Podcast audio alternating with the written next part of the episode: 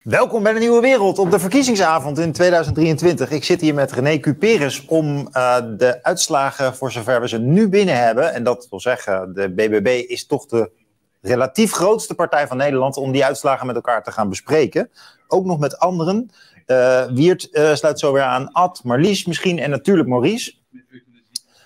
ik zit ook op de app. Uh, als jullie uh, vragen stellen, opmerkingen willen maken, kritiek hebben op de verkiezingen, emoties daarover willen delen, vragen voor René hebben, dan breng ze in. Dus via YouTube, dan kunnen wij ze zo bespreken. Ja, ik ben toch. Ik, ik ben in eerste instantie toch wel enthousiast, jongens, moet ik zeggen, dat, dat ja, BBB zo groot is geworden. Dus ik, ik moet zeggen dat mijn politieke hart wel sneller klopt. En dat gevoel had ik al toen ik vanavond langs de stembureaus liep. Ja. Zoveel mensen die zijn gaan stemmen. En uh, voor, voor uh, provinciale staten is het toch wel bijzonder. Ik heb altijd een soort apathisch gevoel bij deze verkiezingen. Zo van, nou ja, je hoopt dat de helft komt opdagen. Wie boeit het precies? Is het een gesprek bij de koffieapparaat? Maar dat was het dus dit keer wel. En dat is, dat is toch wel, dat is iets heel bijzonders. Het ging echt ergens over. Ja. En dat hebben we nu gezien. Maar ja, had jij het zien aankomen, René? Ja, eigenlijk wel. Ik heb vanochtend al voorspeld op de radio, min of meer, deze landslide-overwinning, per, ongeluk. Nou aanzien komen is een groot woord. Het is een enorme harde afwijzing van hoe Nederland bestuurd wordt, hè? deze uitslag. Dat, dat zie je eraan af. Ja. En de opkomst 60% geeft ook iets aan. Hè? Dus mensen wilden enorm hun, hun emotie kwijt en hun, uh, en hun opvattingen kenbaar maken. Dat zag je ook in de stembureaus. Dus ik, denk, ik, ik voelde wel zoiets in de, in de, in de, in de lucht hangen, ja. als ik heel eerlijk ben.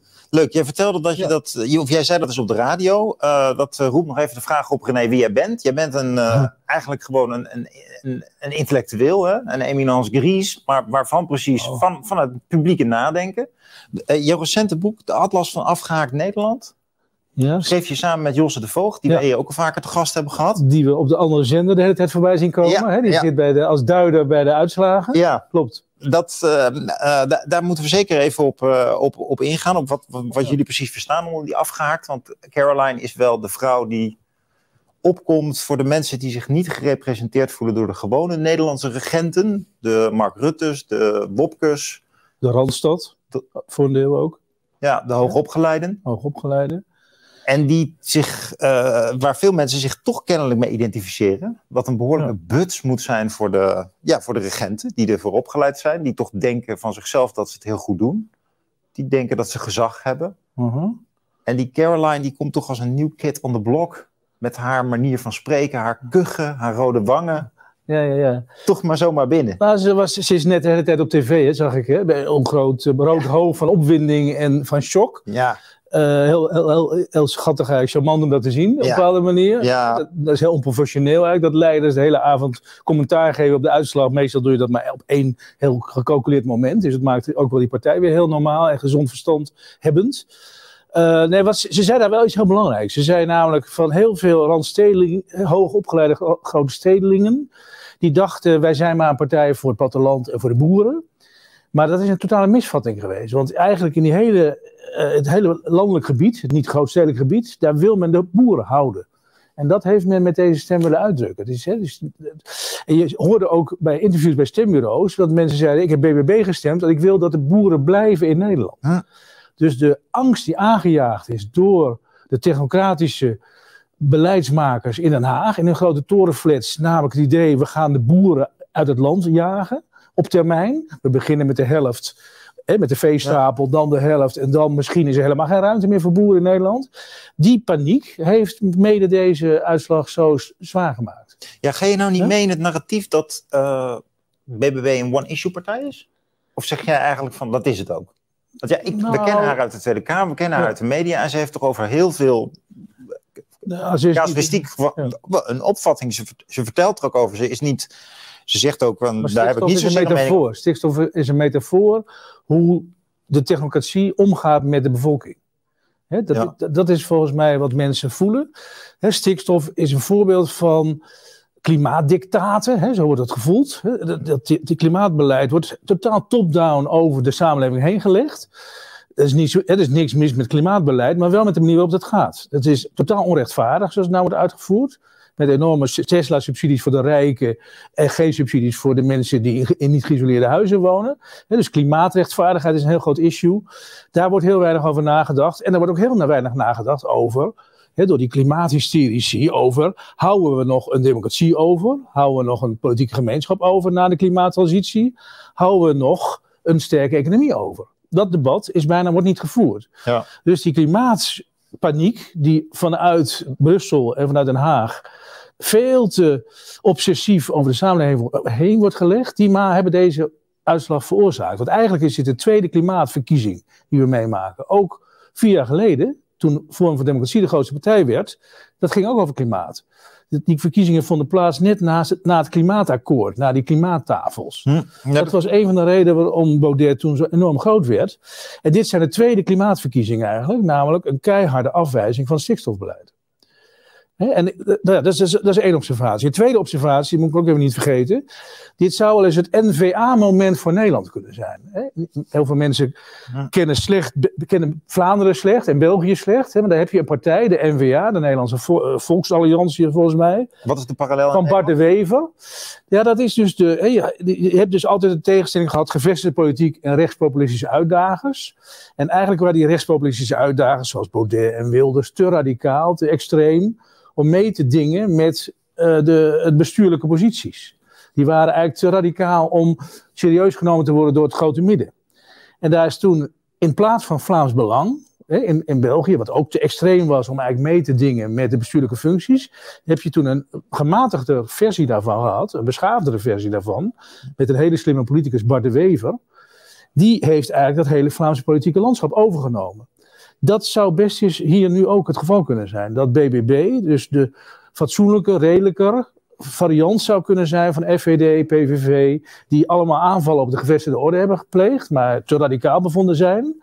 En BBB zou best eens een serieuzere kandidaat kunnen zijn, samen met Omtzigt misschien.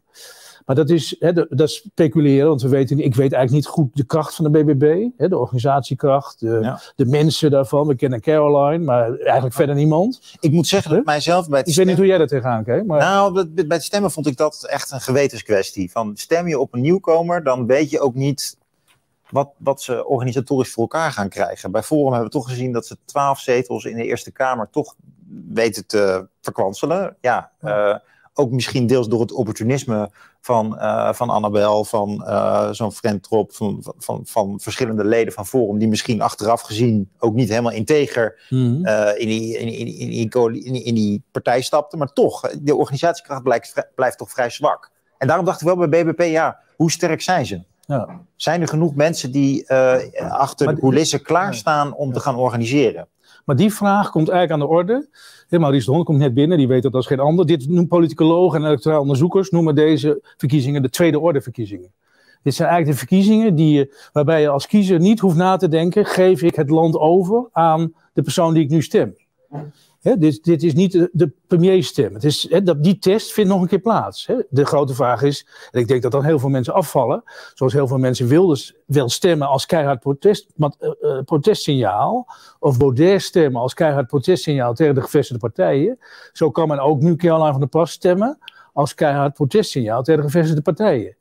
De veel meer essentiële vraag is: ga je ook bij de Tweede Kamerverkiezingen voor Caroline van der Plas stemmen als potentiële premier van Nederland. Ja, tegelijkertijd Dan vallen heel veel mensen af. Ja, ja. dus nou dat is een andere, dat is een interessante bespiegeling. Je zou ook kunnen zeggen, de Eerste Kamer is al zo ver gepolitiseerd, ook in de afgelopen jaren, dat je wel degelijk nu stemt voor een, nou ja, dus inderdaad, dat stikstofbeleid, dat zal van tafel moeten. Of die coalitie zal op, op een andere manier voor moeten krijgen in de Eerste Kamer. Maar eigenlijk krijgt Rutte Kaag het nu via de Eerste Kamer niet voor elkaar om het door te zetten. Dus je hebt dan ja, toch wel degelijk echt een politieke stem uitgebracht. Maar, ik snap je punt wel. mini-politiek, hè? Eerste Kamer is uh, niet zo serieus. Uh. Ja, zou je het mini-politiek vind ik mini Ja, ik vind de Eerste Kamer niet zo serieus. Ik zou liever Sommige mensen zeggen ook, moet afschaffen. Nou, ik, ik, ik bedacht, ik weet helemaal niet... Ik, ik dacht, waarom maken we van de Eerste Kamer niet een Kamer van provincies en grote steden? Want nu is het een, een, kamer voor veredelde bijbaanmensen hè, vanuit de partijen. Die, die er een leuke bijbaan bij hebben naast een hele serieuze baan in het bedrijfsleven. Ze komen alleen op dinsdagen bij, bij elkaar, in de Eerste Kamer, nee, maar waarom, dag in de week. Het blijkt dus nu dat het heel moeilijk lukt, zelfs in het kleine Nederland, om vanuit de Randstad, vanuit die torens in Den Haag, om verbindingen te leggen met de rest van het land. Dat is gewoon nu gebleken dat dat mislukt is de afgelopen decennia in deze neoliberale tijden. Dus blijkbaar hebben we meer behoefte aan nieuwe verbindingen met de regio. Maar- Omdat, wat heel belangrijk is, de, de, de volkspartijen zijn natuurlijk in crisis geraakt. Zijn bijna verdwenen. Vandaag ma- maken we helaas, denk ik, de dood van het CDA mee. Ja, dat was De eigenlijk. bijna dood. Maar met P van A was al bijna dood. Ja maar, die, ja, maar onderschat niet, die volkspartijen die waren de verbindingen tussen Friesland en Amsterdam. Ja, ja, tussen Rotterdam en Overijssel. Ja, Dat vond plaats binnen die volkspartijen.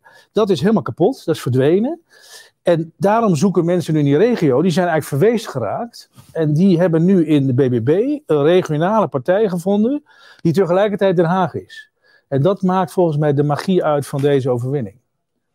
Om, en er ho- hoort nog een Ja. analyse onder. dus, dus, dus eigenlijk Ja. ehm, zeg je van eh, mijn eerste grote ehm, discussiestuk rondom deze verkiezingen dat heeft te maken met het klimaatbeleid. Dus we hebben zien voor de tweede keer dat het klimaatbeleid is afgestraft. En jouw tweede discussie. Dit is een klimaatopstand. eigenlijk. een klimaatopstand. Je tweede punt is, eh, dit is ook eh, de wraak van, de, van het achterland op, op het voorland. Van, van de provincie op de grote Nou, steden. Terwijl nou, eigenlijk, dat nee, vond ik wel nee, mooi, dat, dat, dat de BBB ook in Noord-Holland dus Ja. Zeker. In die Atlas van Afgehaakt Nederland proberen we ook te vermijden de zwart-wit discussie tussen de grote stad en platteland of tussen Randstad en de rest. Het is complexer dan dat. Je hebt ook Ja. hele afgehaakte wijken in Amsterdam en in Den Haag en Rotterdam. Ja, Je hebt hele aangehaakte steden zoals Groningen Ja. of Nijmegen in, in de periferie of in de regio. dat, dat, Dus het is dat- complexer dan dat. Josse zegt het ook vaak. Kun je dat eens concreter maken? Waar moet ik dan denken aan, eh, aan, aan, aan, aan een dorp als Houten of zo? Of, het, of wat, wat is nou typisch een in de Randstad gelegen af, afgehaakte plek? Is- is- Nou, ik ga volgende week naar Helmond bijvoorbeeld, hè, vlak naast Eindhoven liggend. Dramatisch eh, sociale eh, scheidslijnen in zo'n stad. De helft van de stad stemt niet en de andere helft stemt wel. Dat soort steden, daar, daar zie je enorme sociale problematiek op. En, ja. enorme segregatie in één gemeente. Geldt ook voor Arnhem, geldt voor heel veel dat. Hè, dus er zit heel veel verschil binnen de steden. Veel meer dan wij soms doorhebben. Ja, ja. Er is nog een andere analyse die ik ook nog op tafel wilde leggen. Kijk, ik, ik zie deze BBB-overwinning ook als een late correctie op de kabinetsformatie van vorig jaar, of van twee jaar geleden. Nou ja. Omdat, kijk, er is toen iets misgegaan in, in, in politiek Den Haag. Hè? Er is een kabinet, heeft zich eh, zelf ontslagen vanwege de toeslagenaffaire. Eigenlijk was Mark Rutte opgegeven door zowel Segers als door Kaag hè, in dat rare debat, dat functie elders debat. Maar Rutte, er was geen opstand in de VVD waardoor Rutte is blijven, kon, blijven zitten. Maar Rutte heeft wel een hele hoge prijs moeten betalen, een zoenoffer voor het aanblijven aan met name D66. ja. Gegijzeld Dus worden dat- door deze... Dus dat regeerakkoord had een enorm D66-stempel. Veel te, veel te groot.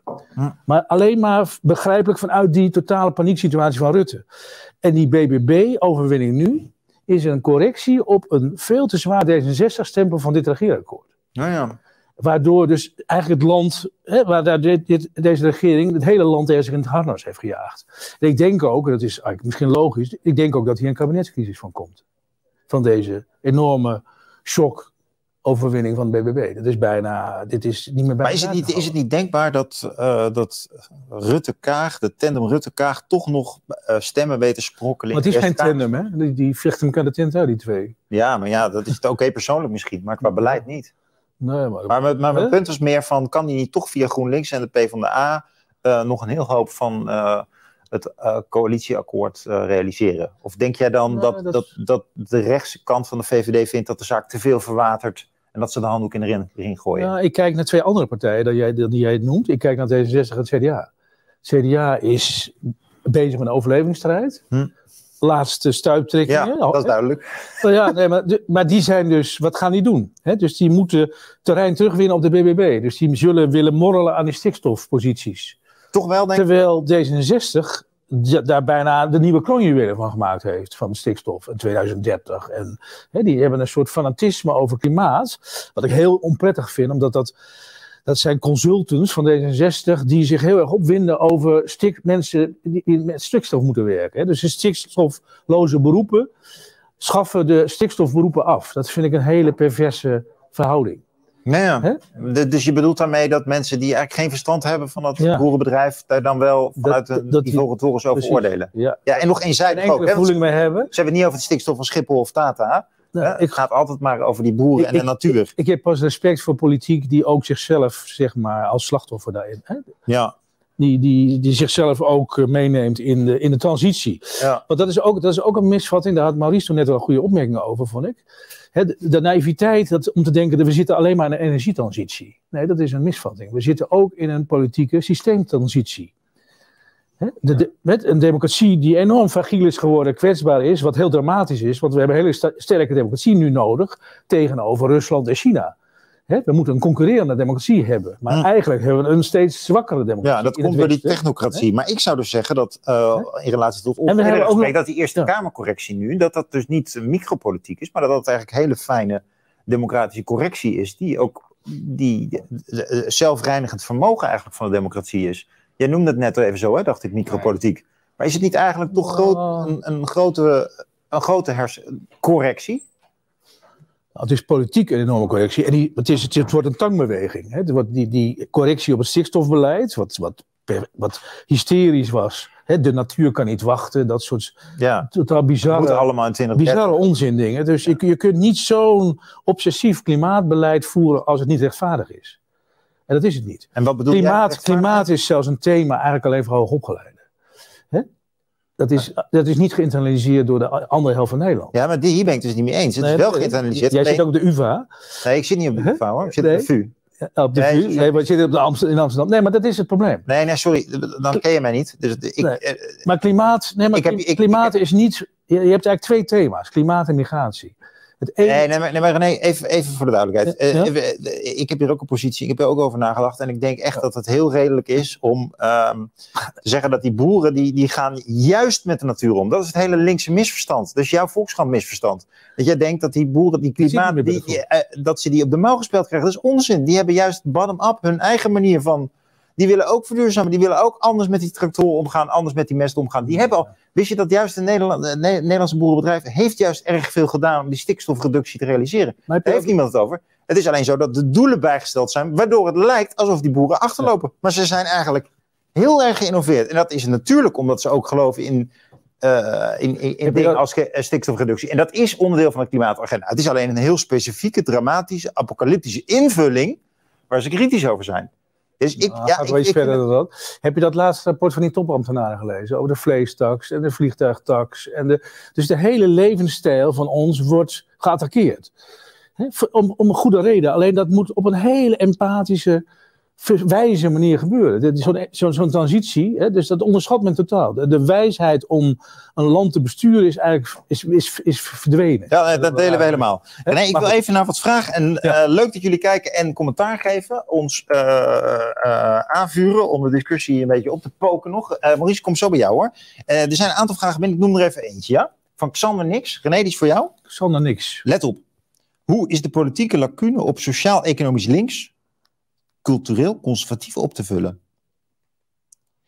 Ik denk dat dat iets te maken heeft met wat, wat is eigenlijk nou links-conservatief? Kunnen we dat als, ehm, als ik het even vertaal naar mijzelf, van, kunnen we nou een, een partij bedenken die zowel links is als conservatief? Want meestal associëren we conservatief Mhm. natuurlijk met rechts. Ja. Maar is, er nou, is het denkbaar dat je een Nou, links-conservatieve partij hebt? En wie zou je daarin Ja. Wilders misschien? Nee, ja, dat zou ik niet. Nee, eerder omzicht. Eerder omzicht. BBB komt in de buurt. Hè? Nou, je hebt eigenlijk de klassieke KVP en de klassieke PvdA. Hè? Die hadden die positie. Dus was een, hè, ik, ik hoor eigenlijk ook een beetje tot die klassieke PvdA van de origine. Hè? Dat is meer de, de gemeenschapsdenkende kant van de PvdA. Hm. Eh, en, en de KVP had dat van vroeger. Ik, vind, ik herken dat het meest in omzicht, als ik heel eerlijk ben. Ja, Hm. Maurice wil iets anders erover zeggen. Maar, dat- maar dat- deze vraag is wel interessant, omdat een van de problemen, eh, ook een van de, een van de verklaringen voor deze opmars van BBB is, hè, dat staat ook in onze atlas van Afhaak Nederland, die ik samen met Josse heb geschreven, Josse de Voogd, dat het compromis van de hoogopgeleiden in Den Haag is een compromis van economisch rechts en cultureel links. Hè, economisch liberaal en cultureel liberaal, zeg maar VVD D66.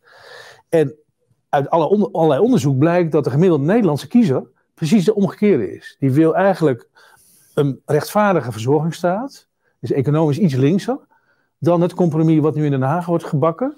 Wil iets meer vermogensbelasting, wil iets meer belasting van het grote bedrijfsleven. Minder aandeelhouderskapitalisme, iets meer uh, uh, Rijnlands-Europees, ja. Ja. iets meer ja, samenwerkingskapitalisme. En is traditionele op de culturele vraagstukken. Ja, minder, minder, Klimaat. minder diversiteit. Transgender, eh, Ja. name it, migratie. Ja. En dat, die precies die, dat, dus, het- dus wat er geboden wordt in Den Haag, het compromis, met name van dit kabinet, is, staat haaks op wat eigenlijk ge- vooral Laten we dit toch nog gemiddeld Nederland wil. Maurice, ik ben ook benieuwd hoe jij dat ziet. Dus Maar- het compromis is nu eigenlijk progressief rechts, zou je kunnen zeggen. Nou, Namelijk wel woke, transgender eh, aan de ene kant. En aan de andere kant dus rechts eh, vrije markten, CETA-akkoord, vrijhandel, eh, pro-Europa. Dat is dus, dus Nou, precies het tegen, tegenovergestelde van de vraag dat van Sander over. Ja. ehm, een robuust uitkeringenstelsel, een robuuste verzorgingsstaat, gecombineerd met een meer conservatieve nationale politiek. Nou, weet je wat het probleem bijna is? Het is bijna niet meer in eh, vaste groepen in te delen. Omdat op heel veel punten mensen eh, veel meer gefragmenteerd zijn, ook in hun opvattingen. Dus wat jij nu probeert in een, in een soort stabiele pilaar te de- definiëren. En voor sommige groepen geldt dat al, vooral als je ze in de media ziet. Maar bij de vele mensen is het veel gedifferentieerder. En het systeem kan niet meer handelen Nee. om, ehm, als er zo'n gedifferentieerde bevolking is. En dan zitten wij het ook weer Hm. te forceren in. Maar dat vind ik interessant van een man die zo van de statistiek is. Dat jij eigenlijk durft te claimen dat de fragmentatie zo groot is. dat je het electoraat niet meer kan plotten op een x- en y-as van conservatief, progressief, links-rechts. Nee, want dat heb ik wel eens gezegd. Als ik 50 jaar geleden onderzoek deed. en ik vroeg welke religie men had. Wist ik dat ze lid waren van de KRO, welke krant ze lazen. en op 20 vragen wist ik welk antwoord ze gaven. Elke stelling wist ik precies wat ze antwoordden. Terwijl als je nu vraagt, lees je de Telegraaf, weet je het niet. Nee, je weet wel iets. Maar als je dan de 20 relevante onderwerpen langs laat komen, is het echt niet zo Hmm. dat ze allemaal ongeveer hetzelfde antwoord geven. En doordat ze nu allemaal zo uit elkaar gaan lopen, en we hebben een politiek stelsel wat veel meer in iets collectiefs zat, Hm. En dat dekt het niet meer. Dus de, het politieke systeem Ja. past niet meer bij een bevolking. De, de manier waarop bevolking zich over onderwerpen organiseert. En dan merk je ook, daarom zie je ook die versplintering, omdat binnen groepen zie je weer een subgroep op een subonderwerp. En die gaat weer een nieuwe partij maken. Terwijl er nergens meer eh, een soort collectiviteit eh, eh, systeem is. Vroeger had je, weet je wel, de Partij van de Arbeid, die dekte behoorlijk veel af. CDA Ja. dekte behoorlijk Mhm. veel af. En dat is helemaal weg. Ja. En dat, Of, of, of is het zo, Maurice, dat als zo meteen omzicht zich eh, aansluit bij BBB. of er komt binnen BBB ook weer eh, eh, Caroline versterkt en ontwikkelt eh, nog meer gezag dan ze al heeft. Ze heeft veel authenticiteit, ze ontwikkelt ook nog gezag. Dat zij toch bij Tweede Kamerverkiezingen eh 40 zetels winnen. ja, maar is, dat niet gewoon, de- is het dat niet gewoon? ja, Als nee, zodra maar- we een links-conservatieve partij hebben dat dat gebeurt. Ja, wat ik Dat denk, de wat, ik denk gaat, kan gaan gebeuren. Kijk, Omzicht doet, gaat pas handelen als er Tweede Kamerverkiezingen aankomen. Daarvoor hoeft hij nog niks. Nou, dan is de grote vraag: gaat hij een eigen partij starten of gaat hij zich aansluiten? Hm. Maar je kan je ook voorstellen: je hebt restanten van het CDA. Dat CDA ook nadenkt: wat moeten we? Dus er kan ook een soort. Nou, het Hm. woord alliantie is nu even beladen, maar er kan een alliantie komen van, laten we zeggen, restanten CDA, BBB eh, en eh Omzicht en bijvoorbeeld Mo Mona Keizer, Hm, ja, ja, ja. die een soort nieuw platform creëert, Hmm. waarbij een van de belangrijke componenten is dat binnen dat platform niet per definitie iedereen binnen dat platform over alles hetzelfde denkt. Dat je ook binnen dat platform. Maar dat is een hervorming van het idee van partijen. Ja. Dan krijg je dus niet, niet, niet die, die fractiediscipline. Maar dat me- meer open... Nee, maar je krijgt een soort platform. Een netwerk, netwerkpartij. Ja, zoiets. Maar dat zou een radicale innovatie zijn. Ja, maar dat, de radicale innovatie komt niet omdat Den Haag iets anders gaat doen. De radicale in- innovatie komt als er van buitenaf iets gebeurt, Ja. waardoor er behoorlijke veranderingen gaan. En het interessante is, deze Eerste Kamer blijft gewoon tot 2027. Dus ongeacht wat er nu in de Tweede. Kamer gebeurt, Ja. ze moeten met deze Eerste Kamer dealen. Ja. En dat betekent ook dat je sommetjes kan gaan maken. En ook kan gaan denken, ja, als je dan bijvoorbeeld straks VVD plus CDA plus BBB plus Ja 21, kom je ook een behoorlijk eind Niet 38, maar toch ook niet ver. Ja, Dus ja. het zou kunnen zijn dat die platformgedachte meer ook politici eh, nu al. op een gegeven moment gaat aantrekken. Want gaan ook, Ja, eh, ja, ja. zoeken de nooduitgang ook. Eh, voordat ik verder eh, vragen stel, ook aan jou René. Eh, jongens, jullie kijken naar de nieuwe wereld. En eh, het is geweldig als jullie ons liken, als je lid wordt van ons programma. Elke dag zenden we hier gesprekken uit. En ze zijn, als ik het zelf mag zeggen, toch vaak behoorlijk diepgravend. In ieder geval nemen mensen echt de tijd om met ons over dingen van gedachten te wisselen. Het kan over van alles gaan, van spiritualiteit en economie tot politiek. Eh, we leven zeker in instabiele economische tijden. Dus dat, eh, che- check onze website, word er lid van. Eh, zorg ook dat je vragen stelt, die kan ik dan nu weer doorgeven. Bijvoorbeeld in relatie tot wat jij net geopperd hebt over de mogelijkheid van nieuwe platformpartijen. Het kwam even tussendoor ook met René al even ter sprake. Verwacht je nou, is het nou reëel om te denken dat als dit de prognoses uitkomen dat, dat Rutte overleeft, of dat er dan toch een kabinetscrisis komt en het kabinet zal vallen? Ja, maar mijn voorstel is om daar later op de avond weer op terug Ja? te komen. Want de, de uitslagen beginnen binnen te komen. Oké, dan gaan we daardoor. Voetbalcards 25. Eh, leuk als jullie niet anoniem eh, met ons communiceren, maar niettemin, eh jouw vraag is eh, geparkeerd. De gemeenten komen naar binnen. Dit is Schiermonnikoog, wat altijd een bijzondere gemeente is, omdat daar ook mensen stemmen die... eh, nou, in ieder geval moeten ze in die provincie wonen, maar over het hele land soms stemmen. Maar Oh, ja. hier, ik laat het even zien, omdat het aangeeft hoe we vanavond eh, de uitslagen gaan presenteren. Oké, Want dat is eigenlijk... eh, nou, give it away. Kijk, je ziet hier de kleuren, eh, de, de, de, de uitslagen eronder. Je ziet bijvoorbeeld PS 2023 staat onderin. Hij Ja. heeft de VVD 9,3 of no, 9,3% gehaald. Dat is die blauwe staaf. Hmm. Daarachter zie je ook een staafje, een soort schaduw. Mhm. En dat was ons richtcijfer. Op Schiermonnikoog had de VVD 13% moeten halen. Om landelijk 15% te halen. Dat is die ronde van, Oh, ja.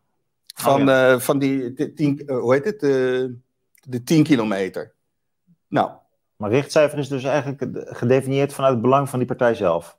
Wat zij moeten hebben om. nee, de, de, Of- wij, of jouw inschatting. Wij berekend hebben. Ja. En wij hebben per gemeente, wat je kan zeggen, ja, als ze 15% BBB haalt, moeten ze overal 15% halen. Nee, we weten, in het oosten gaan ze meer halen dan in het westen. Nee. Dus dat richtcijfer Hmm. is alsof ik de trainer ben bij een 10 kilometer. En ik zeg, nou, op Vlieland moet de VVD 13% halen. Dan, scoren, dan, dan gaan ze in de richting van die 15%. Ja, Dat is een hele ja, kleine plek, maar ik wil alleen laten zien, dat doen we ook met Amsterdam. Ja, ja, ja, En dan zie je bijvoorbeeld BBB scoort 24% op Schiermonnikoog. Terwijl ons richtcijfer 20,2 was. Ja. Dus zij zitten boven de Ja. 15% richting. Ja, ja, ja. En dat, eh, ja, dat, dat klopt ook een beetje met, want eh, de exit poll was 19%. Hè? Ja, ja. Nou, dan kijk je naar bijvoorbeeld GroenLinks.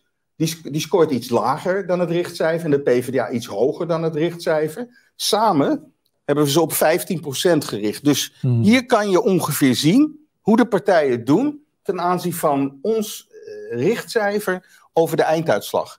Ja. Nou, we hebben ook ehm Vlieland. Wacht even. Oké, die komen net binnen allemaal.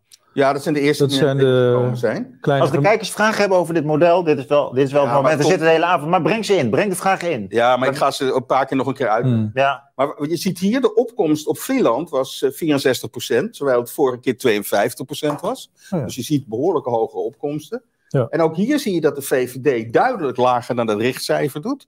Dus als de VVD voortdurend onder die, die blauwe staaf erachter zit, en dat zal hij de hele avond, Mhm. want dat richtcijfer was op 15%. En ze lijken naar 10%. Ja, ja, ja, precies. En weer de BBB, Hm. 26,3 procent. Ja. Terwijl het richtcijfer voor Vlieland was 15,2. Bijna twee keer zoveel. Ja. Ja. En, dan, en je ziet ook het CDA. En hier zitten ook toeristen bij dan. Toeristen. Nou, Nou, ja, maar, maar je moet wel op- in de provincie wonen, want anders kan je er niet stemmen. Oké. Dus, eh, dus dit zijn de twee eh, eerste die binnengekomen zijn. Ja. En op Schiermonnikoog was de opkomst eh 74 procent en vorige keer 68. Ja. En nogmaals, het zijn de twee eh, gemeenten. Nee, er is, er is nog geen derde gemeente binnen. Hm. Maar het. ehm, ja, dus dat is Ja, eh, het- wat. Wat, ja. wat Mooi leuk, te zien. leuke manier om te beredeneren. ja, want anders. Je kan ook laten zien. Bijvoorbeeld, we hebben Vlieland ook. ehm, kan ik ook laten zien ten opzichte van de, twee, van de vorige verkiezingen. Maar dan heb je bij BBB geen referentie. Nee. En je ziet natuurlijk dat Forum fors verliest. En de VVD, ja, die verliest ook vol, fors. En daar kan je wel eh, een aantal dingen van zeggen. Ja, we, hebben, we zitten even met wat... eh, Toen deed BBB nog niet mee, of die deed... die vier jaar geleden natuurlijk niet mee. Nee. En de, en de TK hebben ze één zetel gehaald. Ja, Dat was ook nee, niet dat- relevant om de, om de Tweede Kamer mee te vergelijken, niet. Nee. Maar zo zie je, dit was de uitslag van de vorige keer bij de, eh, de, de, de 2019. Provinciale Statenverkiezingen. Ja. Maar die vind ik niet zo interessant, omdat dat zal bij de NOS getoond worden, dit. Ja. Nou, elke keer BBB heel groot. Maar wat zegt nu? Nou, hier Vlieland is een kleine programma. Maar als er wat Leeuwarden binnenkomt, Ja. wat zegt Leeuwarden 20% BBB voor de einduitslag? Ja, nee. En dat is wat we In- door de avond eh, zien komen. In hoeverre zien we nu een substitutie van die FVD-uitslag van vier jaar geleden? Is dat ook de BBB-uitslag van nu? Nee, want uh, Of is dat, gaat het om hele andere kiezers? veel was hoger. het 12,7 procent. Nee, maar dat is natuurlijk wat. het 26,3. En maar Nee, maar even dat bedenken- landelijk gezien zeg Ja, maar maar. hè? Dat is een beetje als je was simpel kijkt. Ja, oké. dit is meer in het oosten. Ja. Dus in het westen zal BBB meer op vorm lijken. Ja. Qua uitslag. Maar in het oosten gaat, gaan ze er dik overheen. Oké, Dus het is de, de regio's die het, die het bepalen. Ja. Maar ik vind de uitslag interessanter ten aanzien van die richtcijfers. Ja. Want dan weet je, oké, als ze allemaal op de richtcijfers scoren, dan wordt de VVD 15%, dat weten we wel zeker van niet. Nee. Dan wordt BBB 15%. En dan wordt GroenLinks en Partij van de Arbeid 15%. Maar de exit poll was allebei 19%. Ja. Wij, onze eigen inschatting was eigenlijk dat BBB een wat grotere kans heeft om zelfs de grootste in de Eerste Kamer te worden. Mhm. Eh, althans, Maurice, ik heb, een, ik heb een meer concrete vraag voor je, die ook niet direct met de data verwant is. Misschien heeft René er ook een perspectief op. Welke rol eh, heeft nou de discussie rondom warmtepompen en eh, overgaan naar gasloos leven, eh, elektrisch rijden gespeeld in de verkiezingen? Een vraag van Maurice. Want hij zegt eigenlijk, ja, we hebben het nu steeds over stikstof, maar dit is toch waar veel mensen concreet merken van eh, de wereld veranderen, eh, verandert. Is dat nou iets wat alleen maar bij, ik zou even zeggen, eh, GroenLinks en D66-stemmers eh, een rol speelt? Of is het inderdaad wat hij vermoedt? Ik denk dat je er andere dingen bij kan zeggen. Meer meer molens voor windenergie, meer zonnepanelen, ehm, Mhm. warmtepompen, gasloos eh, verbouwen. Zijn dat nou grote thema's in deze verkiezingen geweest? Ja, maar het zijn facetten van thema's. Het is allemaal een aspect van het geheel. Ja. En ongetwijfeld zullen er sommigen vooral gefrustreerd zijn over een onderwerp. Hmm. Maar het is een complexiteit waar het bestuur, de regering, eigenlijk alle problemen die er liggen amper kan oplossen of niet oplost en in problemen blijft. En, en ten aanzien van klimaat en, eh, en stikstof een aantal doelen stelt waar, waar ook chaos over ontstaat. En waar ook binnen zo'n regering geen uniformiteit is. En in de bevolking zeker niet. En in plaats van dat er een beweging ontstaat waarin die verschillende groepen bij elkaar worden gebracht, worden die veel meer uit elkaar ge- gehaald. Dus het stemmen op BBB is tegelijkertijd ook een soort, eh, hoe heet het? eh, Proteststem. ja, een protest aan. De, de middelvinger tegenover de. Ja, je blijft die middelvinger gebruiken. hè? René, wat vind jij daarvan? Is dat niet een groot woord? Nee, het is een hele harde afwijzing van de, de toon en de koers van het regeringsbeleid. Ja. Van de gevestigde politiek. En ik denk dat die, die hè, dus die vraag is goed. Ik, de- hè, dus ik zei al, stikstof zie ik als een metafoor voor veel meer. Voor een enorme klimaatdruk op mensen. En, en, en Maurice heeft het zo straks allemaal laten zien. BBB bestaat ook uit mensen die zich zorgen maken over hun eigen financiële situatie. Die, die voelen dus die enorme klimaatdruk van over tien jaar moet je elektrische auto rijden, een warmtepomp hebben en die kunnen eh, huis isoleren. Dus dat, is, dat geeft een financiële klimaatdruk bij mensen. En het is, de, de gevestigde politiek is onduidelijk in hoe je daarbij begeleid wordt en geholpen wordt. De BBB-kiezers bestonden ook uit mensen die de toekomst eerder als bedreigend zagen dan als kans. Daar hoort dit verhaal ook bij. Hè, Klimaattransitie worden heel veel mensen meer als een bedreiging gezien of als achteruitgang van, Ja. van hun levensstijl Ja. dan als een, een geweldig innovatieve wereld. Wat in hoogopgeleide kringen meer gevoeld wordt. Dus die twee dingen, hè, dus, dus klimaat in zijn algemeenheid, daar hoort dit ook bij, is een metafoor voor deze uitslag, wat mij betreft. Ja, oké, mooi gezegd. Ik kan, dat, ik, kan, ik kan me daarin vinden. Ik heb ook het gevoel dat eh Ook al zou rijkere, hoogopgeleide, stedelijke mens ehm, dit allemaal niet als een probleem ziet. Warmtepomp graag, ben je al snel 10.000 of 15.000 euro aan kwijt. Wist je dat? Ja, weet ik. Naar gasloos, dan moet je je keuken verbouwen. Nou, als het een beetje een mooie keuken wordt, ben je ook weer 15.000 euro verder. Dus ik kan me voorstellen dat in een bepaalde subcultuur dit gewoon wel als leuk wordt Nou, gezien. Oh ja, zo ja. Ja. Maar zelfs middengroepen heb je enorme moeite mee. ja, terecht. Eh, Ik bedoel En- terecht. En het is Snap dus, ik helemaal. nou, en het gaat dus om kli- eh, klimaatonzekerheid. Ja, de- Dus dat die transitie, Ja. dat niet duidelijk is waar het eindpunt daarvan is, hoe je daarbij geholpen wordt, hoe je gefinancierd wordt. Klimaatrechtvaardigheid als groot probleem, dat is volgens mij waar. eh, Nou, ik was laatst op het, op, op het departement van Jette, overigens. Ja. En daar was een topambtenaar, die zei wel iets moois. Die zei, we hadden de keuze hier op het ministerie van Klimaat en Milieu, of weet dat ministerie. Met die klimaattransitie wachten we met, ons, met de bus van de klimaattransitie voordat iedereen erin zit. En gaan we dan pas rijden? Ja. Of gaan we alvast de bus starten en rijden met die klimaattransitie in de hoop dat andere mensen nog in die bus kunnen springen? Goh. En hij zei, we hebben voor het laatste gekozen. We zijn gaan rijden. En dat is precies wat er gebeurt. En heel, al die mensen, afgehaakt Nederlands, noemen wij dat dan, die hebben dus het gevoel, kunnen wij nog wel in die bus? Hebben wij daar het geld voor? Hebben wij daar de kennis voor? En dat is met die klimaat. Dus, dus elke transitie creëert verliezers en winnaars. Nou ja, er zijn wel heel veel verliezers hier nu. Maar wie, ja, wie, wie, wie er wint, weet het niet. Ide- in Ja, ideaal. maar transitieonzekerheid is iets waar je als politiek heel erg eh, gespitst op moet zijn. Ja. Anders krijg je dit soort uitslagen. Hoe kijk je eigenlijk historisch naar dit, naar dit verschijnsel? Want jij gaat al een tijd mee als, als commentator. Ik ben de er niet zo oud, hè? Nou, maar jij bent wel nog, jij nog uit de tijd dat Jij noemt aan een ander, ander profiel Jij had. noemt mij eminence zo. Ja, dat heb ik nog nooit gehoord in mijn, in mijn leven. Maar oh, het nou. klinkt goed. Maar Nou ja, goed. Het is al een paar jaar geleden dat je Ik, zelfs eh, je column in de voorskant aan de wil ging. Sommige dingen liggen bij jou al achter. Eh, ja, ja, ja. Maar oké. Sorry René. Maar eh, als ik jou mag uitnodigen om toch even te reflecteren op het politieke verleden. Hè? Is het nou zo dat dit soort eh, transities, dit soort ideeën van de- we gaan de bus gewoon starten, het gaat radicaal anders. Ik denk bijvoorbeeld aan de introductie van de euro of zoiets.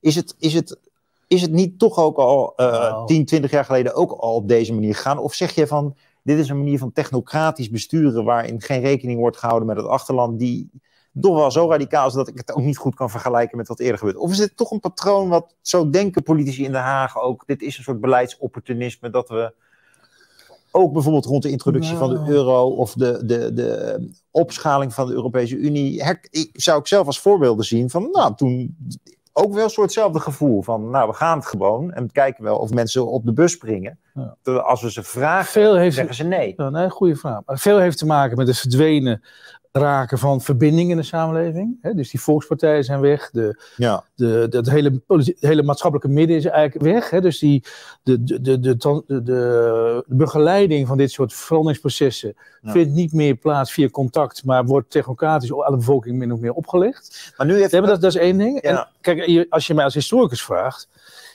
Een van mijn zorgen over deze tijd gaan hebben te maken met de Tweede Wereldoorlog, met de Holocaust en met het ontstaan van fascisme en communisme. hoe kom je daar nou bij? Omdat, nou ja, omdat, dat, omdat het grote moderniseringsproces van de 19e eeuw en de enorme het losmaken van verbindingen, kapotmaken van, van, eh, van, van de samenleving, Mm. heeft ge- geleid tot, een, tota- tot fascisme en communisme. Dus moderniseringsprocessen zijn heel gevaarlijk, met, als die slecht worden begeleid. Dat is ook de, het boek van Matthias de Smet.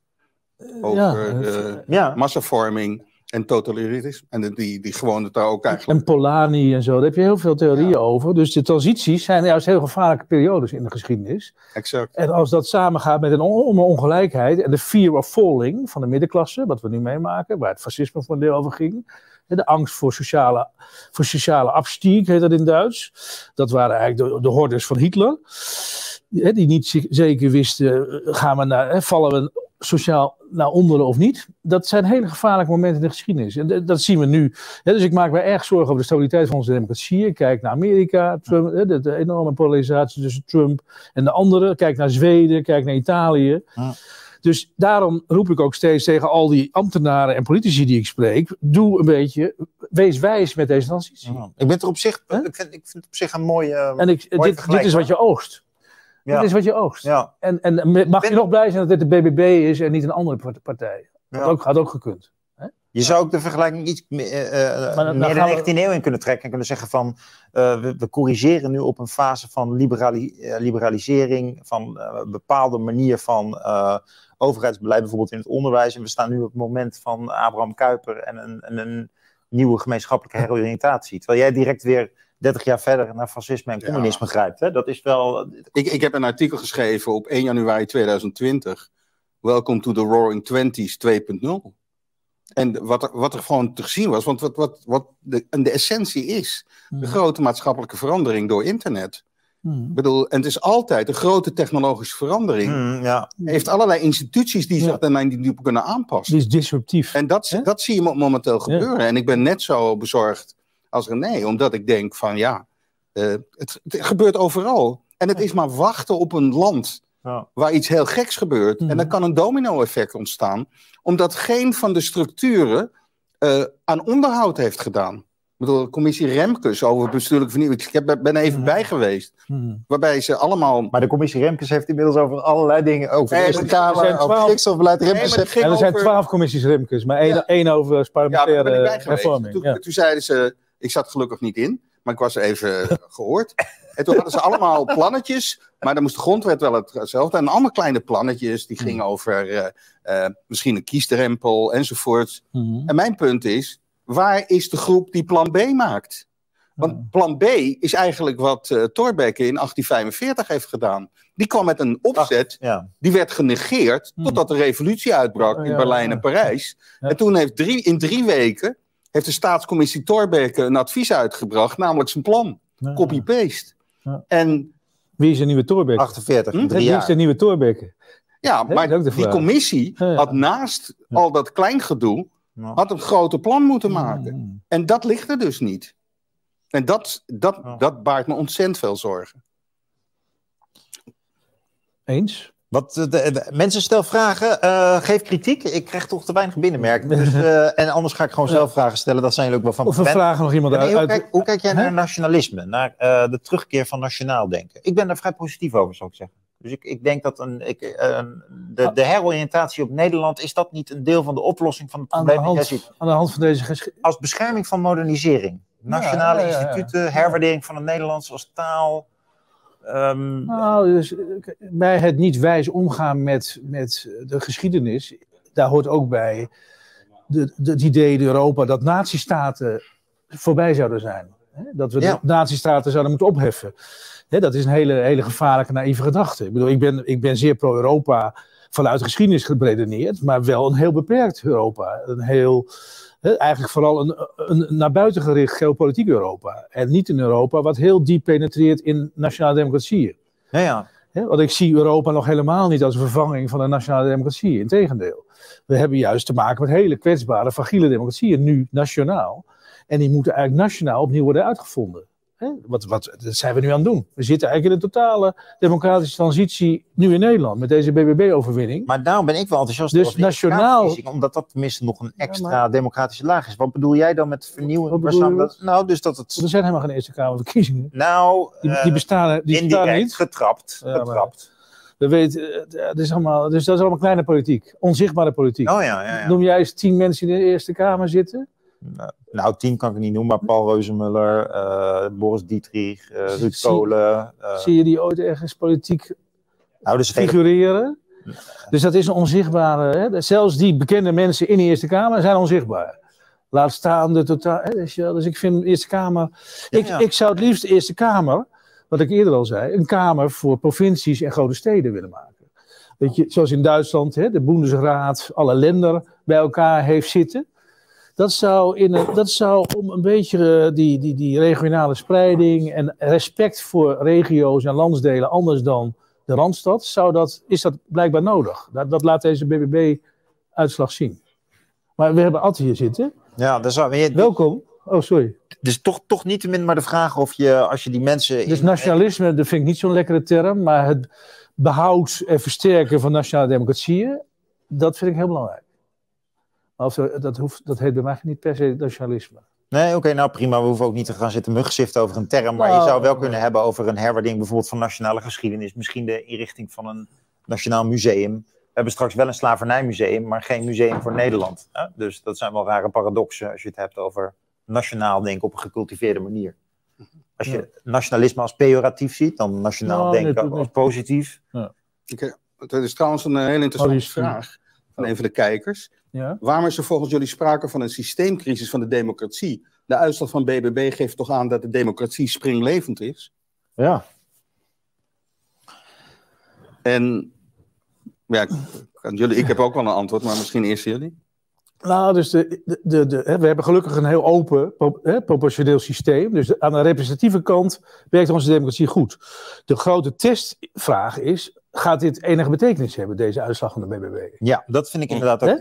Dat is die killervraag. Dat, heeft dat enige invloed in de technocratie van Nederland? Heeft dat enige invloed in het systeem waar we... Hè, dat is de grote vraag. En hè, dat heet dan in de Colin Crouch post-democracy. hè. We leven in een, in een systeem waarin kiezen eigenlijk nauwelijks meer veranderingen met zich meebrengen. En dat dat komt- is heel ernstig voor een democratie. Ja. En dat komt omdat, als ik dat eh, even vanuit mijn perspectief mag invullen, omdat we een hele sterke bureaucratie hebben gekregen. hè. Dus de, eh, een, Ja, en export- Brussel, eh, expertocratie, een, Ja, ja, een systeem van overheidsinstituten dat eigenlijk bepaalt voor heel veel zaken hoe de dingen lopen. En de agenda's Waar de en de rechters. stemmen, dat is een soort secundair. Je ziet het ook aan de kwaliteit van de voordrachten in de Tweede Kamer. Dat je het idee hebt van ja, dit zijn een soort gewoon leuke voordrachtjes. Maar hoe verhoudt het zich nog tot beleid? Ja, dat zijn de topambtenaren die toch eigenlijk ja, unelected eh, eh, Mhm. politicians zijn. Maar ik, maar m- misschien eh, om toch even op die vraag eh, terug te komen.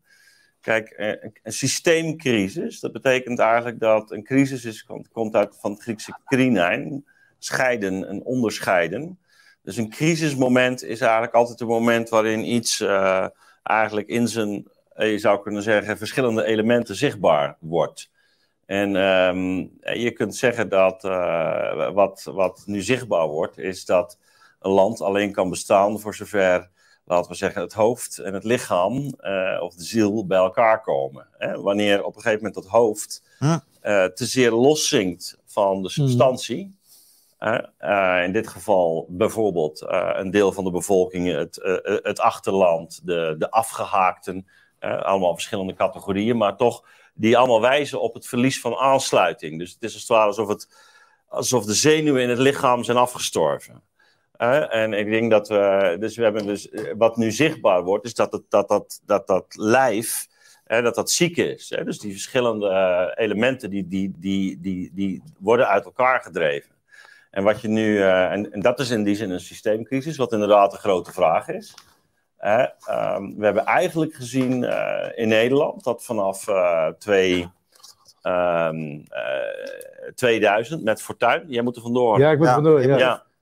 Ehm, ja, Goed verhaal. Je zit Ja, vast, ja. oh, zit vast, vast. René, dus je kan niet weg. Oh, ik zit vast, sorry. nee, ik ga hem zo oppakken. Oh, ja. Maar, maar bij, eh, maar kan er even iemand even eh, komen om ehm René te bevrijden. te ontkomen. René te- René En een pilsje voor mij te brengen.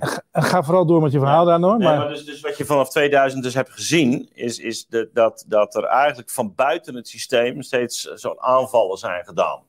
Hè, of Fortuin was eigenlijk, en die werd dus ook echt, ja, op dat moment ook, die aanval is afgeslagen. Hè, en dat is eh, op een bepaalde manier kalt gesteld met de, Ja. eh, de LPR. Met zo'n moord. En, en ik denk, eh, het- alleen je Ja. ziet dus dat die, dat die basis daarvoor, dat die steeds smaller wordt.